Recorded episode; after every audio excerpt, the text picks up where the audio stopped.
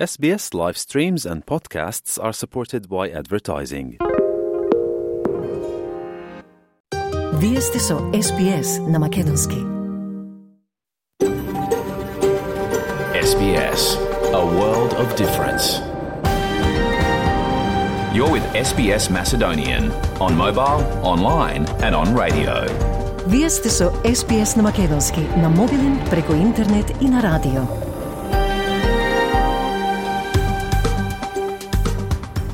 СПС им одава признание на традиционалните собственици на земјата од која ја емитуваме денешната програма, народот Уоранджери Вој Wurrung, припадници на нацијата Кулен и нивните минати и сегашни старешини. Добар ден, денеска повторно со вас е Маргарита Василева. Во извештајот од Македонија подетално за пречекот на новата 2024 година во земјата. Во Скопје и Охрид за забавата се погрижија познати имиња од македонската музичка сцена. За нова година над 2000 повици на бројот за итни случаи во Македонија, а прво првото бебе за годината, именувано Алек.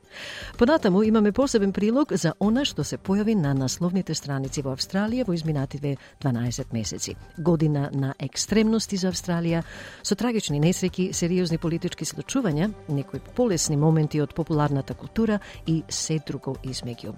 А кон крајот на програмата ќе продолжиме со серијата разговори за уникатните македонски везови и народни носи со етнологот Наде Костадиновска Спасеновска. Денес таа ќе ги истакне карактеристиките на носиите од преспа и од струга. Останете со нас за билтинот вести на СПС сега со Радица Бојковска Димитровска. Радица повели. Благодарам Марга, добар ден и од мене. Во денешниот билтен, денеска треба да биде објавен прелиминарниот извештај за падот на хеликоптерот на SeaWorld на Голд Кост во кој загинаа 4 лица, а други 9 беа повредени. Јапонија го укина предупредувањето од највисоко ниво за цунами по земјотресот со јачина од 7,6 степени според Рихтеровата скала. Израел го намалува бројот на војници во окопнената офанзива во, офанзива во Газа и владина делегација положи цвеке на 20 12 годишнината од смртта на првиот председател на Македонија по осамостојувањето. Останете со нас.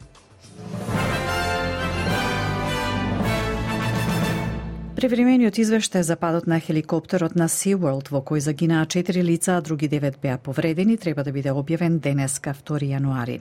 Помина точно една година откако двата хеликоптери се судрија во воздух во близина на забавниот парк SeaWorld на Голд Којст во Квинсленд и паднаа од небото пред шокираните туристи кои го поминуваа денот во популарниот тематски парк во туристичката престолнина. Истрагата за несреќата од страна на Австралиското биро за безбедност на транспортот покажа дека експерти прегледале стотици часови видео снимки, 3D компјутерско моделирање и интервјуа на повеќе од 80 сведоци, вклучително и преживеани од несреќата. Во истрагата се вклучени и германски експерти.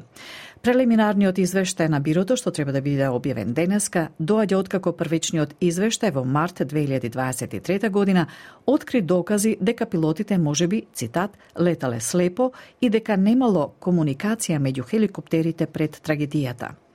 Една од преживеаните во несреќата, Уини де Силва, која го преживеа инцидентот со незиниот син Леон, изјави за Канал 9 дека несреќата е се уште свежа во незиното сеќавање како да се случила вчера. I remember everything. It's fresh, it looks like yesterday. The pictures still come to my head. The fear of anything falling on the ground still makes me feel like it's uh, a, a crash. Јапонија го укина предупредувањето од највисоко ниво за цунами по земјотресот со јачина од 7,6 степени според Рихтеровата скала, што ја погоди островската земја, но им препорача на жителите на крајбрежните региони да не се враќаат во своите домови, бидејќи се уште постои опасност од наплив на смртоносни бранови. По земјотресот Јапонската метеоролошка агенција првично издаде предупредување за големо цунами долж префектурите Ишикава, Ниигате и Тојама. Прво такво предупредување по катастрофата во Фукушима во 2011 година, во која загинаа 20.000 лица. Се стравува дека најмалку пет лица загинале во по земјотресот, според новинската агенција Кјодо, а бројот на жртвите се очекува да се зголеми. Главниот секретар на јапонскиот кабинет Јошимаса е Хајаши вели дека добил извештаи за срушени згради со шест заробени лица под урнатините во префектурата Ишикава. The specific details are currently unclear, but we currently have received reports of six individuals trapped by collapsed buildings in Ishikawa Prefecture. We will continue to make all efforts to gather more information. Раселените палестинци во импровизираниот бегалски камп во Газа сакаат да може да се вратат во своите домови во новата година по 12 недели смртоносна војна меѓу Хамас и Израел. Собрани околу оган, членовите на семејството Алзеинати велат дека не можат да најдат добра причина да ја прослават новата година. Мојата трагедија живее во мене, вели еден од нив, и додава, цитат, надворешниот свет тоа воопшто не го чувствува, нека си прославуваат, а мене оставете ме да ја живеем мојата трагедија. We do not feel that there is a new year because of the intensity of the pain we live in. All days are the same. Our celebrations are not celebrations. When can we celebrate? When can we check on our children who we left behind in the north, in Jabalia? And check on our people, about 80 people from the rest of our family who are still in the north. Then it will be a celebration. My tragedy lives inside me. The outside world does not feel it at all. Let them have their celebrations and leave me to live my tragedy. Министерството за здравство на Газа соопшти дека повеќе од 21.800 палестинци во Газа биле убиени од израелско оружје и воздушни напади од избивањето на војната меѓу Израел и Хамас. Војната избувна на 7 октомври кога милитанти поврзани со Хамас и други вооружени палестински групи упаднаа во Јужен Израел и убија 1200 луѓе, главно израелци, а киднапираа и 240 други лица. Израел повлече тенкови од некои области на градот Газа, велат жителите, по најава за промена на тактиката и намалување на бројот на војници, за да им се овозможи на резервистите да се вратат на цивилниот живот и да ја подржат израелската економија погодена од војна.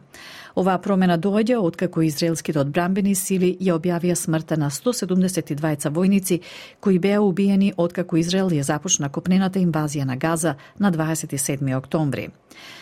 Израел вели дека неговата војна против Хамас, во која според заставените власти на Газа загинаа речиси 22.000 палестинци и голем дел од Газа беше срамнет со земја, ќе трае уште многу месеци.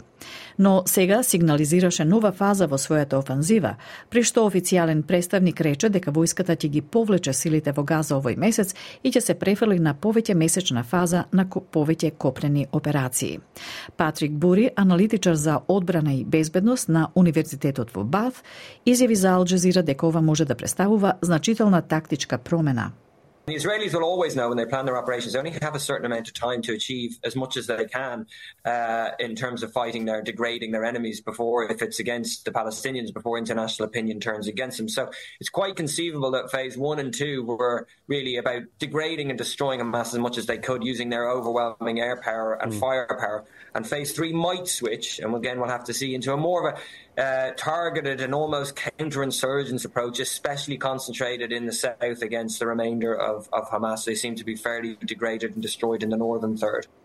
Делегација на македонската влада во одбележување на 20 годишнината од смртта на првиот председател на Македонија по осамостојувањето, Киро Глигоров, положи цвеќе на неговото вечно почивалиште на градските гробишта во Скопје.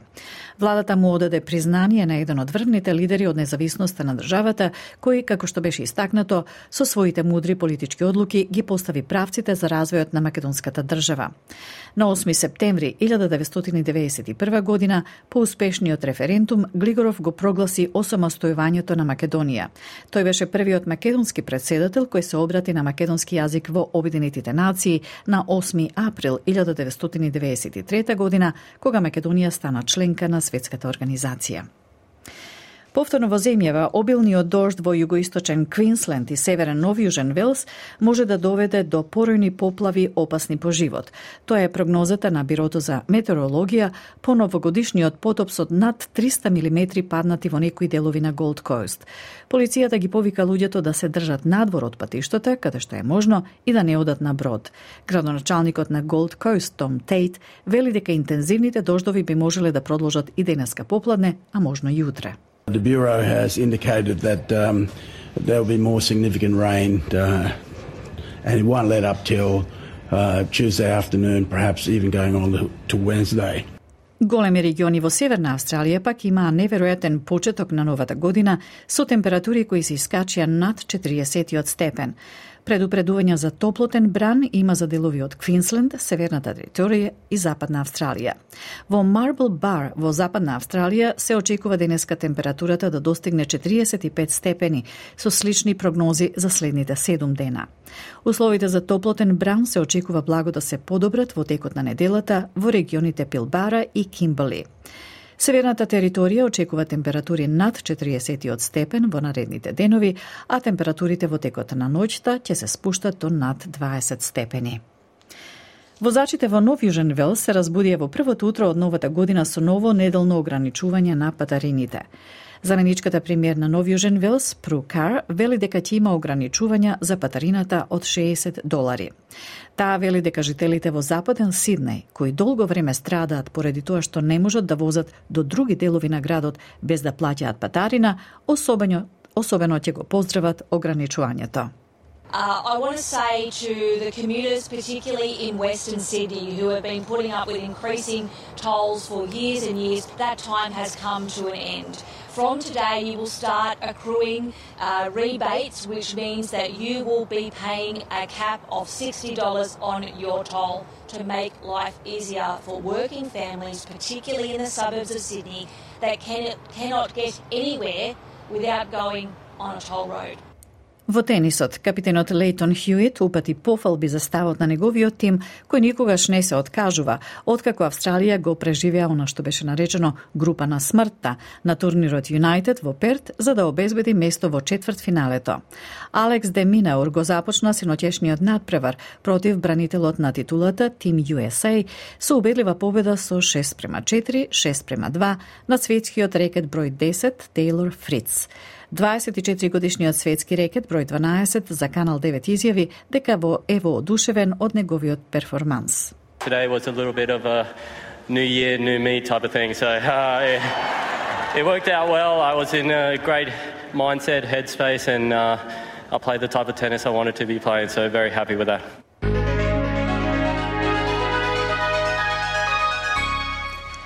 Од најновата курсна листа, денес еден австралиски долар се менува за 0,61 евро, 0,68 американски долари и 37,63 македонски денари, додека еден американски долар се менува за 55,3 македонски денари, а 1 евро за 61,03 македонски денари.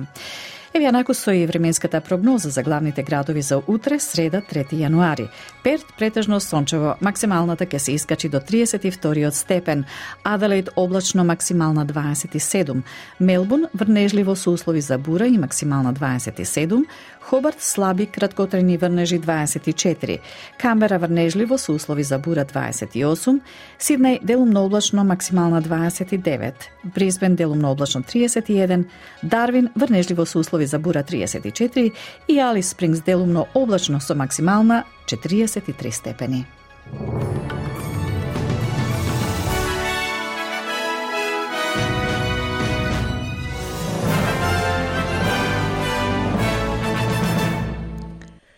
Благодарам Радица. Денешниот билтен вести на SBS со Радица Бојковска Димитровска ќе биде достапен малку подоцна во денот заедно со комплетната програма, а тоа на нашите веб и Facebook страници. А со вас продолжува низ за програмата Маргарита Василева. Вие сте со SBS Audio на македонски, каде во останатите 45 минути ќе слушнете вести од Македонија, актуелности од Австралија и светот, а кон крајот разговор за македонските везови. Денеска ќе ги разгледаме носиите од Преспа и Струка. Останете со нас. Ја следите програмата на СПС на Македонски. Извештајот од Македонија денеска покрива неколку теми. Македонија ја пречека новата 2024 година со желби за просперитетна и поберикетна година за сите и напредок на државата на политички и на економски план. Во Скопје и Охрид на площадите беше организиран дочек со познати имиња од македонската музичка сцена. Весело беше и во другите градови на земјата. Алек е првото бебе родено годинава во Македонија. Мајката долго чекала пород, а желбата и се оствари 10 секунди по полнојк. Со неколку интервенции од страна на полицијата, најмногу во Скопје и Тетово, новогодишната ноќ на територијата на целата земја поминала главно мирно. За нова година имало над 2000 повици на бројот за итни случаи во Македонија. И владина делегација положи цвеќе на вечното почивалиште на Киро Глигоров. Тоа се главните содржини во прилогот на Милчо Јовановски за 2 јануари. Слушајте не.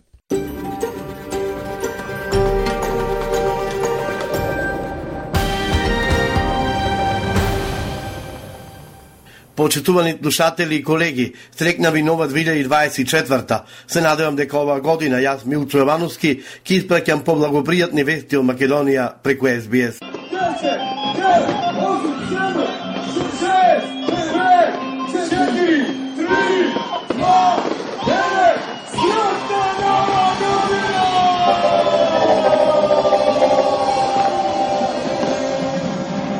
Вака беше на Скопскиот площад, дел од нашите сограѓани, како и милиони луѓе широм светот, новата година е дочекана на площад. Иако на различна возраст, сите со слични желби. Бројните новинарски екипи ги забележа нивните изјави. Мир во светот, мир во Македонија, само напред. Среќна нова година. Живели. Се најдобро. Да е подобро од ова што беше Тука веќе нешто сум почнал, така да пробувам да самиот себе да се изградам тука така да имам веќе нешто. Не почнали со супругата, така да сега да сега тука ќе остане. Граѓаните да гледат и тие малце, пошто од Бога не паѓа ништо и тие треба да станат секој утре како што станам ја и тргнам за работа, иначе без работа нема ништо. Треба да се работи, па после да се моли Бога. Задоволна сум од животот, па би сакала све подобро да се надграбам себе и така. Среќата сами треба ние да се ја најдеме. Никој не треба да ни ја даде среќата. Идеалници туристи од земјава и странство, заедно со своите домакини, во прекрасна атмосфера во Охрид дочекаа новата 2024 со многу желби за здравје, среќа и берикет. По неколку месечна пауза, убаво е чувството Охридската чаршија да се види исполнета со луѓе кои говорат различни јазици, а сепак се разбираат, бидејќи за музиката, песната и среќата не постојат граници. Во Скопје, 10 секунди по полнок се роди првото бебе за оваа година во Македонија. Неговото име е Алек, тежи 3760 грама, долго е 52 сантиметри, а родено е по природен пат. Доктор Горан Димитров, која породи мајката на Алек, 34 годишната Наташа Стевковска од Скопје, рече дека семејството долго чекало пород. Тој им порача на сите жени кои сакаат да станат мајки да го следат примерот на породената, на која желбата и се остварила и тоа 10 секунди по полноќ. Директорката на клиниката за гинекологија и акушерство Викторија Јовановска рече дека во првите 15 минути од оваа година биле родени три бебиња, а според неа тоа е добар знак дека годината ќе биде подобра од претходната. Годината почна убаво со родени три бебиња, сите спонтани во првите 15 минути веднаш после новата година, што би требало да биде добар знак дека годината ќе ни биде многу подобра од предходната и се надеваме дека ќе имаме повеќе здрави и доносени бебиња и повеќе срекни родители. Во посета на првото родено бебе во Македонија беше министерот за здравство Фатмир Меджити, кој рече дека уште од петокот се обложил дека првото бебе во 2024 ќе биде машко.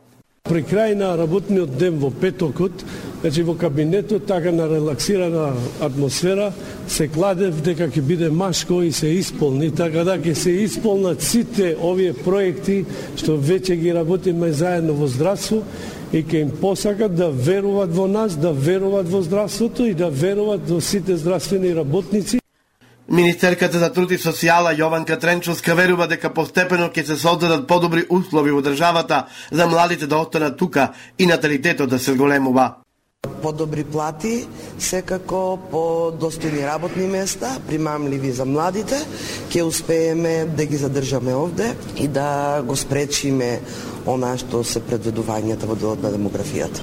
По машкиот старт во Скопје, женски се првородените бебиња во Штип и Прилеп и во Битола. Беби бум во Охрид во првиот ден од новата година, дури пет деца дојдоа на свет во гинекологијата во општата болница Бохрид, како што информираше директорот на болницата Асен Шајн. Првото бебе е родено во 1 часот и 54 минути, спонтано. Тешко е 2730 грама. На 27 годишната мајка од Охрид, ова е трето дете, а прво машко. На СБС слушате вести од Македонија. На ургентниот центар во Скопје изминатата ноќ биле извршени 103 прегледи, а на клиниката за токсикологија 23. Освен повредени во три собраќајни незгоди, на ургентен бил донесен и 20 годишен пациент кој при физички напад бил прободен со нож. Тој е примен на клиниката за тораковаскуларна хирургија и е во стабилна состојба. Еден пациент е пак примен на клиниката за дигестивна хирургија за натамошен третман и исто така е во стабилна состојба. На клиниката за токсикологија сите случаи биле акутни интоксикации и ниту еден пациент не е задржан. По прегледите пациентите се пуштени дома. При тоа повеќето биле жени, рече во изјава за медиумите доктор Кирил Наумовски. Во однос на годините, најмладите пациенти оваа година беа на 14 годишна возраст, затоа што сите што би требало да бидат нели испод 14 се веќе пациенти на клиниката за педиатрија. Најстариот пациент кој што го имавме оваа година бил 63 години. Ќе ви кажам дека бројот на акутни интоксикации поврзани со психоактивни субстанции расте секоја година така што дали се мешани или не се мешани интоксикациите ќе мора да разговарате со пациентите. Многу често се случува дел од пациентите да не ја кажуваат ни вистината кога ги прашуваме најчесто кажуваат дека е само алкохол. Новогодишната ноќ во целата земја помина главно мирно, изјави министерот за внатрешни работи Олвер Пасовски на брифинг со новинарите. Новогодишната ноќ помина главно мирно. Безбедносната состојба на територијата на целата држава за време на новогодишната ноќ беше стабилна. Имаме вкупно 12 кривични дела на целата територија на државата, најчесто недозволена трговија и промет со дрога и ако имаме загрозување на, на сигурноста едно. Имаме регистрирани прекршоци по Законот за јавен ред и мир, вкупно 20 во сите сектори за внатрешни работи. Министерот за внатрешни работи Оливер Пасовски за пронајдените пиротехнички средства во возилото на внукот на Али Ахмети, Дин Ахмети, изјави дека се преземени сите потребни активности од полициски аспект и оти понатаму јавното обвинителство треба да оцени како ќе постапува со овој случај. За подсетување внукот на Али Ахмети Дрин, кој неодамна стана собственик на трговскиот центар Соравија на само 25 години, пред нова година беше уаптен на улицата Самуилова во Скопје во неговото патничко моторно возило, Range Rover со албански регистарски таблички и при преглед на возилото се пронајдени 749 пиротехнички средства. Спасовски по посетата на полицискиот центар Ѓорче Петров нагласи дека кампањата што проведувале заедно со клиниката за пластична и реконструктивна хирургија на вистина дала резултати. Ова година нема ниту едно лице кое е повредено од пиротехнички средства, исто како и минатата година, изјави Спасовски, додавајќи дека во 2023-та македонската полиција заплени повеќе од 100.000 парчиња на пиротехника. Во Центарот за управување со кризи имало вкупно 2145 повици на единствениот број за итни случаи, 112 во последното денонокие. Они реални повици биле 42,33%, а 57,67% биле за други потреби на граѓаните, што не биле итни, информираат од ЦУК. Инаку ЦУК, согласно информациите од неговите регионални центри, информира дека ова изминато новогодишно денонокие има само пет пожари на отворено в урбаните средини, пожари на објекти имало најмногу во Скопско, а во Гевгелиското село Миравци имало и спасувачка акција за извлекување неподвижно лице при пожар на куќа.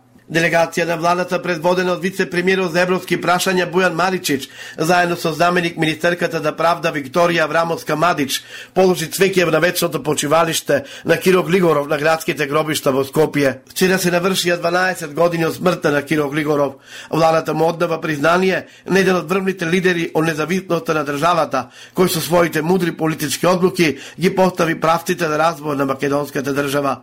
Глигоров е еден на истакнатите градители на современото македонско општество, чувар на мирот, доследен и успешен следбеник на македонските дејци за независна и признаена држава, велат од владата.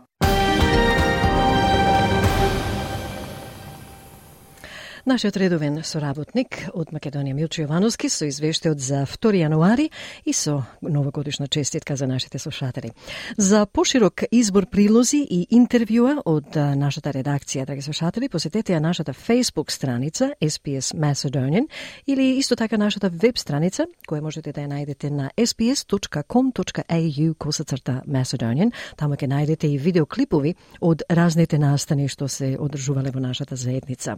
По неколку информативни пораки од СПС ке преминеме и на актуелности од Австралија, поточно за се она што се појави, односно дел од она што се појави на насловните страници во изминативе 12 месеци во Австралија. А потоцна дознајте нешто повеќе за некогашните македонски носи и везови. Останете со нас. На програмата на СПС Одио на Македонски со вас денес е Маргарита Василева. 2023 година беше година на екстремности за Австралија, со трагични несреки, сериозни политички случувања, лесни моменти од популарната култура и се друго помеѓу. Дебра Гроак за SBS News се осврнува на она што се појави на насловните страници во Австралија во изминатите 12 месеци. SBS. SBS. SBS. SBS. SBS. SBS Radio. 2023 беше година за паметење. Заврши онака како што почна, со паника поради цените на становите. Портпаролот на Министерството за финансии на коалицијата Ангус Тейлор даде мрачна слика со изјава дека обичните австралици се уништени од зголемените плаќања за хипотеки, зголемувањето на цените и на даноците. Middle Australia is being crushed by rising mortgage payments, rising prices and rising taxes. Mortgage payments have increased by 7.6% in the quarter, and they have almost tripled since Labor came into government. Според господинот Тейлор, плаќањата за хипотеки се зголемија за 7,6% и тие се речиси тројно зголемени откако лабористите дојдоа на власт. Годината исто така беше доминирана од разговори за достапност на пазарот за изнајмување. Извештаите потврдија дека основните работници тешко можат да обезбедат живеалиште каде што треба да работат, а компаниите објавија дека не можат да регрутираат работници поради трошоците за сместување, како и зголемувањето на бројот на луѓе кои се нашле без покрив над главата. Еден човек, Алах, за SPS News, изјави дека живее во барака во Перт со само три од неговите шест деца и без сопругата, бидејќи тие не можеле да најдат место да живеат заедно. To be around my, my kids, even at, in a tent, I don't mind. All I want is to see my kids. To be around them. Властите и лидерите ја поминаа годината расправајки ги идеите за намалување на инфлацијата, која во голема мера беше потекната од зголемувањето на цените за изнајмување како и на стоките. Благајникот Джим Чамас направи се за да биде смирувачкиот глас на разумот, уверувајќи ги гласачите дека владата се обидува да им помогне да се справат со зголемените трошоци за живот со своите фискални одлуки и мајскиот буџет. Тој вели, цитат, разбираме и признаваме дека луѓето се под значителен притисок на трошоците за живот, но ние го поздравуваме и охрабруваме напредокот во оваа борба против инфлацијата. Тоа го видовме во најновите податоци. Нашиот план за трошоците за живот е насочен да намали некои од предизвиците на овие претисоци без да се додаде на инфлацијата. Затворен цитат, изјави федералниот благајник Джим Чамерс. We understand and recognize that people are under substantial cost of living pressure, but we are making welcome and encouraging progress in this fight against inflation. We saw that in the most recent data. Uh, our cost of living plan is targeted to take some of the edge off these cost of living pressures without adding to inflation. 2023 година беше и година на трагедии. Во јануари хеликоптерска несреќа на Gold Coast во Квинсленд ги однесе животите на 4 лица, а уште 8 беа повредени.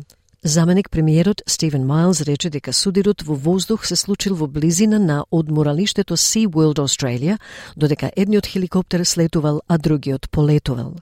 Тој рече дека истрагата ќе испита зошто се случила несреќата. Полицијата на Квинсленд ќе продолжи својата истрага и ќе достави извештај до судскиот вештак а властите во Квинсленд ќе продолжат да им помагаат на федералните воздухопловни власти на секој можен начин, изјави господинот Майлс. Queensland Police uh, will continue their investigation uh, and provide a report to the coroner and Queensland authorities will continue to assist federal aviation authorities in any way they possibly can. Во Нов Јужен Велс две постари жени починаа во ужасни околности под грижата за стари лица. Едната, Клея Ноланд, откако наводно била стрелана со тезер од полицаец а другата на централниот брег на државата, откако наводно била сексуално нападната. Началник детективот Джейн Доути рече дека незиното сочувство лежи со двата жители во дом за стари лица. Таа изјави дека е ужасно што некој е нападнат во безбедноста на својот дом, од кој едната беше безпомошна стара дама. Horrendous that someone, any person in the safety of their home would be attacked like this. But to attack a very defenseless old lady is, is beyond belief. Имаше и други сериозни настани на политичката сцена. 2023 година беше година на референдумот на домородниот глас до парламентот, кој беше целосно поразен. Директорот на кампањата Yes, Дин Пакен, рече дека се скршени од резултатот. Сакам да им зборувам многу директно на оние австралици кои со тврдост во нивните срца гласаа не. Се што сакавме е да се придружиме со вас со нашата автохтона приказна нашата домородна култура, затворен цитат, изјави Пакен, директор на кампањата Да. I want to speak very directly to those Australians who voted no with hardness in your hearts. Please understand that Aboriginal and Torres Strait Islander people have never wanted to take anything from you. We have never and will never mean you no harm. All we have wanted was to join with you our Indigenous story our indigenous culture. Се уште сме на политиката, а Нов Јужен Велс доби нова државна влада на државните избори во март, при што лабористите целосно ја поразија коалицијата, со што Тасманија остана единствената јурисдикција со либерална влада. Во меѓувреме, две држави ги загубија своите премиери поради оставка. Анастасија Палаше се откажа од политиката во Квинсленд, додека Даниел Андрус исто така се повлече од својата јавна служба во Викторија. Тој рече дека секој буден момент е поврзан со работата за која постои одреден термин што може да се посвети на тоа. Never want to get to a place where you resent this job, this amazing privilege and important opportunity. Every waking moment is about the work and there's only so long you can do that for. Додека премиерите се обидоа да остават позитивен впечаток, тоа не беше случајот со големиот бизнис. Прекинот на Optus остави милиони луѓе без телефони и интернет конекција во ноември, а некои наводно не можеа да остварат повици до службата за итна помош три пати нула.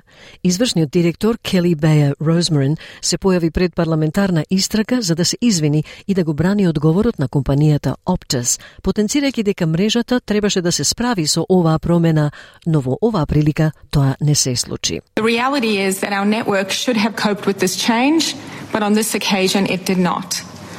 I can confidently assure the Australian public that we have made immediate changes to our systems to ensure that this specific issue will not cause another outage of this nature we experienced last Wednesday. Додека мрежата преживеа, не може да се каже истото и за извршниот директор Излекувањето на господјата Розмарин беше втора комерцијална оставка од висок профил во контроверзни околности оваа година, а првата беше со Алан Джойс од Qantas. И на неговото годишно генерално собрание, инвеститорите на Qantas беа бесни поради низата неодамнешни скандали во авиокомпанијата, вклучувајќи поплаки за неуспеси во услугите на клиентите и конечната исплата на господинот Джойс од 21 милион долари – Но новата извршна директорка Ванеса Хадсон рече дека е решена да го обнови брендот и неговата репутација. While we arrive at this moment with some big challenges, we also have some enormous opportunities and an exciting future. A future that will see our brand recover. Оваа година исто така има некои полесни моменти. Австралиската актерка Мага Роби глуми во Баби, филм кој продолжи да соборува рекорди на бокс офисот. Филмот доминираше и на интернет, при што Google во својот извештај на резултати Year in Search за 2023 година извести дека Баби го победи филмот Опенхаймер за првото место во филмските трендови. Мага Роби изјави дека е многу задоволна од одзивот на филмот и воодушевена од неверојатниот ентузијазам ширум светот. It's incredible. The enthusiasm people have shown all around the world and people showing up with their friends and wearing pink and getting dressed up and like the amount of dudes that are showing up for this movie, I'm just I'm thrilled. Оваа година исто така беше лудило за ограничениот број билети за концертот на Taylor Swift во Мелбурн и Сиднеј во февруари. Аналейса Чо беше едно од среќните фанови кои го обезбедија најбараниот билет во градот. Аналейса Чо вели таа е обожавателка на Свифт од средно училиште и додава дека од огромната возбуда постојано го проверува својот часовник. Oh, I've been Swifty fan since I was in high school. Actually, with my ex boyfriend before, Love Story is our theme song. Since last night, I didn't really sleep well. Like, I woke up three times, I think, just checking my phone, what time is it. Neočekivan svetlosen moment za Avstralija ovaa godina beše raskošno to kronisuvanje na kralot Charles, na koje nacijata isprati delegacija. Обожавателите на социјалните мрежи забележаа дека делегацијата можела добро да го погледне джиновското јајце на кронисувањето, производ од Фабеже прикажано на церемонијата, за кое радосно шпекулирале дека е всушност светата рачна граната од Антиохија, кое се поврзува со познатата сцена во филмот Monty Python and the Holy Grail, во која така наречената рачна граната стана омилена икона за обожавателите на британската комедија. SBS News. We have the Holy Hand Grenade. Yes, of course. The Holy Hand Grenade of Antioch. This is one of the sacred relics Brother Maynard carries with him. Brother Maynard, bring up the Holy Hand Grenade.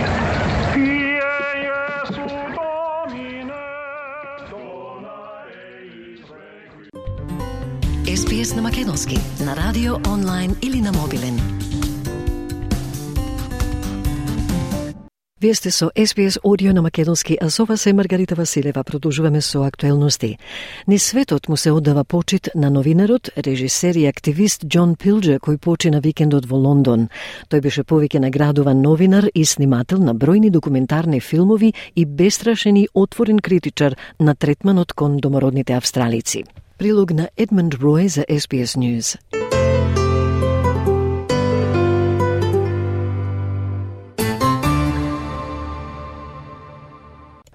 Nothing in my career as a journalist prepared me for the horrors I found in Cambodia. Like those who came upon our... Скоро шест децени, Џон Пилџе го користил својот занает за да ги повика мојкните на одговорност. Од Камбоджа под црвените кмери, до Виетнам и палестинското прашање, до третманот на луѓето од првите нации во Австралија. Неговиот префериран метод беше документарниот филм. Во текот на неговата кариера тој продуцираше повеќе од 50 документарни филмови, а работел и за британскиот весник Daily Mirror 23 години. Пишувал и колумна за магазинот New Statesman од 1991 до 2014 година. Роден во Бондај во 1939 година, Пилџа го насочуваше својот форензички поглед навнатре, често давајќи му на светот застрашувачки портрет за тоа каков бил животот на домородното население на Австралија. Еве го каде тој зборува за неговата книга Тајната земја, објавена во 1985 година. An apartheid has run right through Australian society for as long as I've known it, and I was born and grew up there, and I've filmed there over many years. Perhaps the reason why is that the Aboriginal people, unlike the black people of South Africa, are about 3% of the population. Истакнувајќи ги високите стапки на смртност на доенчиња, здравствени проблеми и затворање, неговите филмови и книги се занимаваат со маргинализираните. Новинарот и автор Квентен Демпста вели дека Пилџа бил одличен австралиски новинар за човекови права и автор и снимател на документарни филмови. Демпста вели Пилџа веднаш ке погледнеше кон неуспехот на политиката да ги разоткрие лицемерието, зверствата и омаловажувањето. He looked immediately at policy failure and uh, he exposed the hypocrisies, the atrocities, the dispossession. Како жесток и гласен критичар на западната надворешна политика, Пилџа се додворуваше на контроверзии, особено на Блискиот исток. Тој исто така беше силен поддржувач и на Джулијан Асанж. Еве го каде тој зборува на митингот за поддршка на Асанж и за храброста на оние кои ја зборуваат вистината и зборуваат за вистината и кои исто така се спротивставуваат на мојкните. Тоа се нашите колективни херои, рече Пилџа. Who dissent, who stand up to the powerful. These are our unsung heroes. Меѓу оние кои ќе го оплакуваат е уште еден соработник, поранешниот мајор на британската армија и адвокат на австралиската армија Дейвид Макбрайд. Тој се соочи со гневот на австралиската влада откако протече до медиумите документи кои содржаа информации за воени злоусторства наводно извршени од австралиски војници во Афганистан. Макбрайд изјави дека луѓето како него ги следат неговите стапки и се надева дека и други ќе продолжат.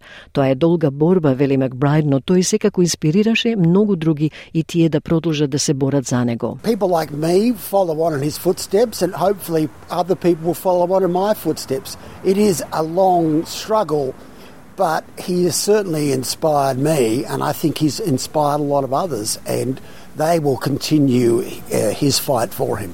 Фокусот на Џон Пилџа на разоткривање на злоупотребите на мојките од страна на владите и бизнисите вредни милиарди долари на крајот се сведе на една работа.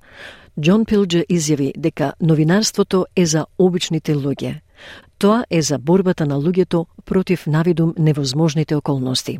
Џон Пилџа ја доби наградата за британски новинар на годината во 1967 и 1979 година, како и бројни телевизиски награди за неговите документарни филмови. Тој имаше 84 години. Од прилогот на Едмунд Рој за SBS News. SBS. SBS. SBS. SBS. SBS. SBS Radio. Денешните содржини на македонски на SPS Audio ќе бидат достапни подоцна во денот на нашите веб и Facebook страници. А за прашања или коментари во врска со програмата, оставете порека на нашата Facebook страница. Останете со нас сега за разговорот со етнологот Наде Костадиновска Спасеновска од Музеот на Македонија во Скопје, која денеска не запознава со носијата од преспа и струка. Полека и трпеливо се раѓале македонските носи за тие еден ден да станат она скапоцено материјално културно наследство на својот народ. 70 блескави примеруци од тој изблик на народната креативност и вештина денес ги красат витрините на Музеот на Македонија во Скопје. Етнологот Наде Костадиновска Спасеновска од истиот музеј ни серијата од 10 разговори со Маја Талевска под наслов Македонски везови раскажува за ова уникатно македонско фолклорно богатство.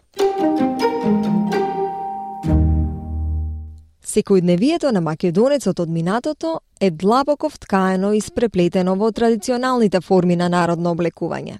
Пафтите, на пример, кои се носеле околу појасот, се еден се присуден елемент што го символизирал репродуктивниот период кај жената. Застапени во сите македонски региони, тие варирале по големината и квалитетот на кујунџиската изработка, но меѓу сите нив, по својата убавина и префинетост, Особено се истакнуваат пафтите во струшката носија, кои што биле изработени од бисери. За овој и за другите обележја на носиите од Преспанскиот и Струшкиот регион ни раскажува етнологот магистар Наде Костадиновска Спасеновска во петтата епизода од серијата Македонски везови на SBS радио. Јас сум Маја Талевска. Слушајте не. И преспа, преспа веќе има дури и крзно. па да, затоа што нели таа кюрдија, затоа што во поладните нели предели или зимските зимските месеци се носело и подебел подебел облековен елемент, значи кој што се облекувал над станатите и претежно била кюрдиите. Са некаде има нели со, со крзнанца, некаде и, и нема, меѓутоа тоа е тоа. Овдака можете да видите и врско шулата а, плюс додатни ракавчиња. Значи тие на тие ракавчиња се всушност а, ракави од сајата. Значи сајата можела да се носи како ваква без ракавна, без меѓутоа можеле и да се придаваат так. а не за плюс а, ракави. Интересно е дека забележувам дека преспанската кошула не нема вес во долниот дел, има само на ракавите. Затоа што е празнична, значи празнична носија на повозрасна жена. Тука одма да приметите, може да приметите, да, така. да. Каде што се поедноставува. А верувам дека на, за невестите имале и во долниот да, дел, така преспанските. Да, да. Значи тие се тие фиксни стандардни елементи во сите. Во сите, да. Така. Во сите носи, потоа и се се познава. Што е ова што го гледаме тука? Овдака треба да бе струшкото. Да, струшко. Тие се сите ви ги тие кај што ви ги кажував кај машкото, нели, кобурите што се ставале како украс не, не имале нека функција. Тука веќе со подебел елек, целиот е од од волна. Волна. Да, дури елекот е во целост да, како кошула, да, доле да. и и бечвите. А интересно е дека женската не е со опинци. Па да, ова кога значи опинците се како облековен елемент а, обувка постар тип, меѓутоа подоцна, нели веќе почетокот на 19-тиот век да речеме, се а, Носеле преот кон модерни чевли. Исто тука забележувам дека шубарата е различна. Да, а, тие се а, фесови, кои исто така ги носела машките, значи тоа се тие три, четири вида, да речеме, на капи, кои што ги, ги носеле мажите. Дали ова носи исто од 19 век? А, ова е веќе ќе му дојде на кај почетокот на, На 20. 20 век, зашто се познаваат некои нели така поразлични а, елементи, исто и не можете да го видите чипката да речеме или везот На на јаката, кошулата, да. на јаката на кошулата, Токму меѓутоа и прашав, поинаков да. вез кој што личи веќе како на губленче. Да. така да, Да, да различно. многу модерно. И кај, кај машкото фесот со а, ресите надоле, кој исто така го значувал нели малку а, поголем а, ст- а, статус не не семеен туку финансиски статус со ресите надоле, значи тој може би бил да речеме некој побогат трговец Така. или нешто така. Како и денес облеката го манифестирала социјалниот статус. Како забележувам дека овој а, елемент кој што е за заштита овде се намалува Се во- намалува. во димензиите. Да, Дали е тоа намалува. нешто што се случува со сите носи или Не, не, значи меѓутоа како што нели се на времето доаѓаат нови трендови, се, се намалувала и ам, ам, големината, да речеме, не само на облеко, на накитот, туку и на везот и на бојата, значи се поедноставувале а, работите. Тука можеме да забележиме ете ги на крстовите кои што исто така ги имале како имало како елемент на на на везовите, на македонските везови. Како се вика овој елемент што е обесен на скутината? Е, Значи, нема некое посебно име за тоа, тоа е едноставно низа. Накид, низа. Со парички, со додатни елементи, кои што не значи дека треба да стои тука, може би да стои погоре на, на вратот.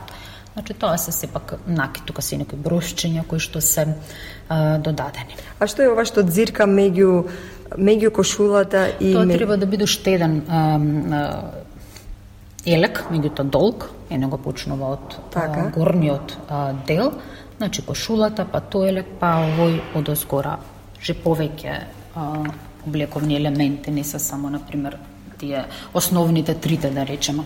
А ова што е? Исто пафта, само направена со Би, а, како бисер, да, да. школка од озгора. Да, па струшко. Да, да. струшка. А, ова е интересен а, сокај, кој што во вид на ромб. На Што е сокај? На, го носела на главата на невестите, значи тоа е веќе поархаичен Елемент. елемент. и го носеле како покривало невестата на главата и бил спуштен а, надоле во задниот дел. Така. Уште една носија од Малесија. Малесија, исто невестинска носија, овдека можеме да приметиме дека не, невестата е буквално, значи не, не е подготвена целосно за, не, за невест, невеста, туку пред свадбениот период, каде што веќе верена и сето тоа, меѓутоа ова е период каде што а, невестата гуве пред свадбата, односно нели стои во посебен а, клет, а, модел специјален за незе, каде што а, се пресрамува, да речем, пред да, да нели Идна до семејство. Е така. И оваа а, марамава која што држи и ги покрива рацете, го значува а, тој период, а, затоа се нарекува и срамуалка.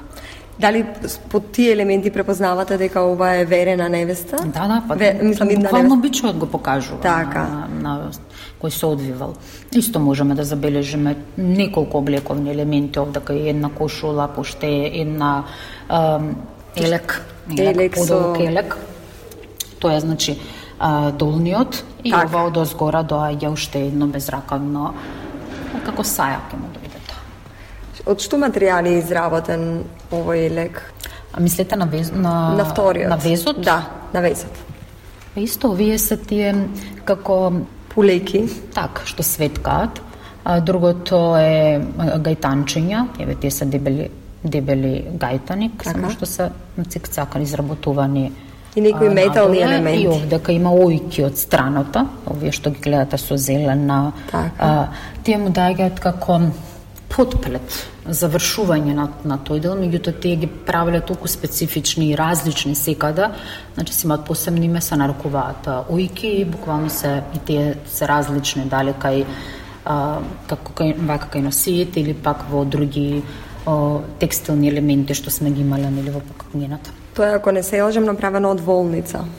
Така? Може да биде и од а, волна, но и од потено конец не мора да значи дека е секаде била така, би, била војната да. за за ујките, може подоцна веќе била и оној а, тенки од конец со кој што се плетеле нели тие меленциња и останати работи, така да се употребувал и тој. А што се металните топчиња? Ти се копченца. Така. Само така изнаредени како нели украс. Многу интересно.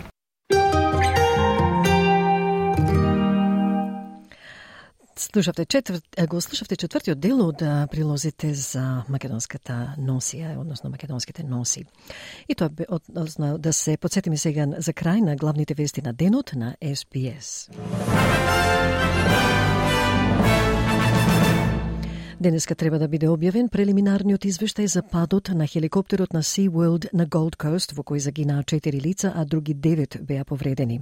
Јапонија го укина предупредувањето од највисоко ниво за цунами по земјотрес од сојачина од 7,6 степени според Рихтеровата скала. Израел го намалува бројот на војници во копнената офанзива во Газа и владена делегација положи цвеќе на 12 годишнината од смртта на првиот председател на Македонија по осамостојувањето. Тоа беше програмата за на SPS Audio на Македонски за 2 јануари. Драги слушатели, ви благодарам што бевте со нас во изминатиот час. Ве очекуваме и утре во исто време, а во меѓувреме за избор прилози, интервјуа и видеорепортажи на разни теми, посетете ги нашите веб и Facebook страници. Од Маргарита Василева, се најдобро. Стиснете, ми се допаѓа, споделете, коментирајте. Следете ја SPS на Македонски на Facebook.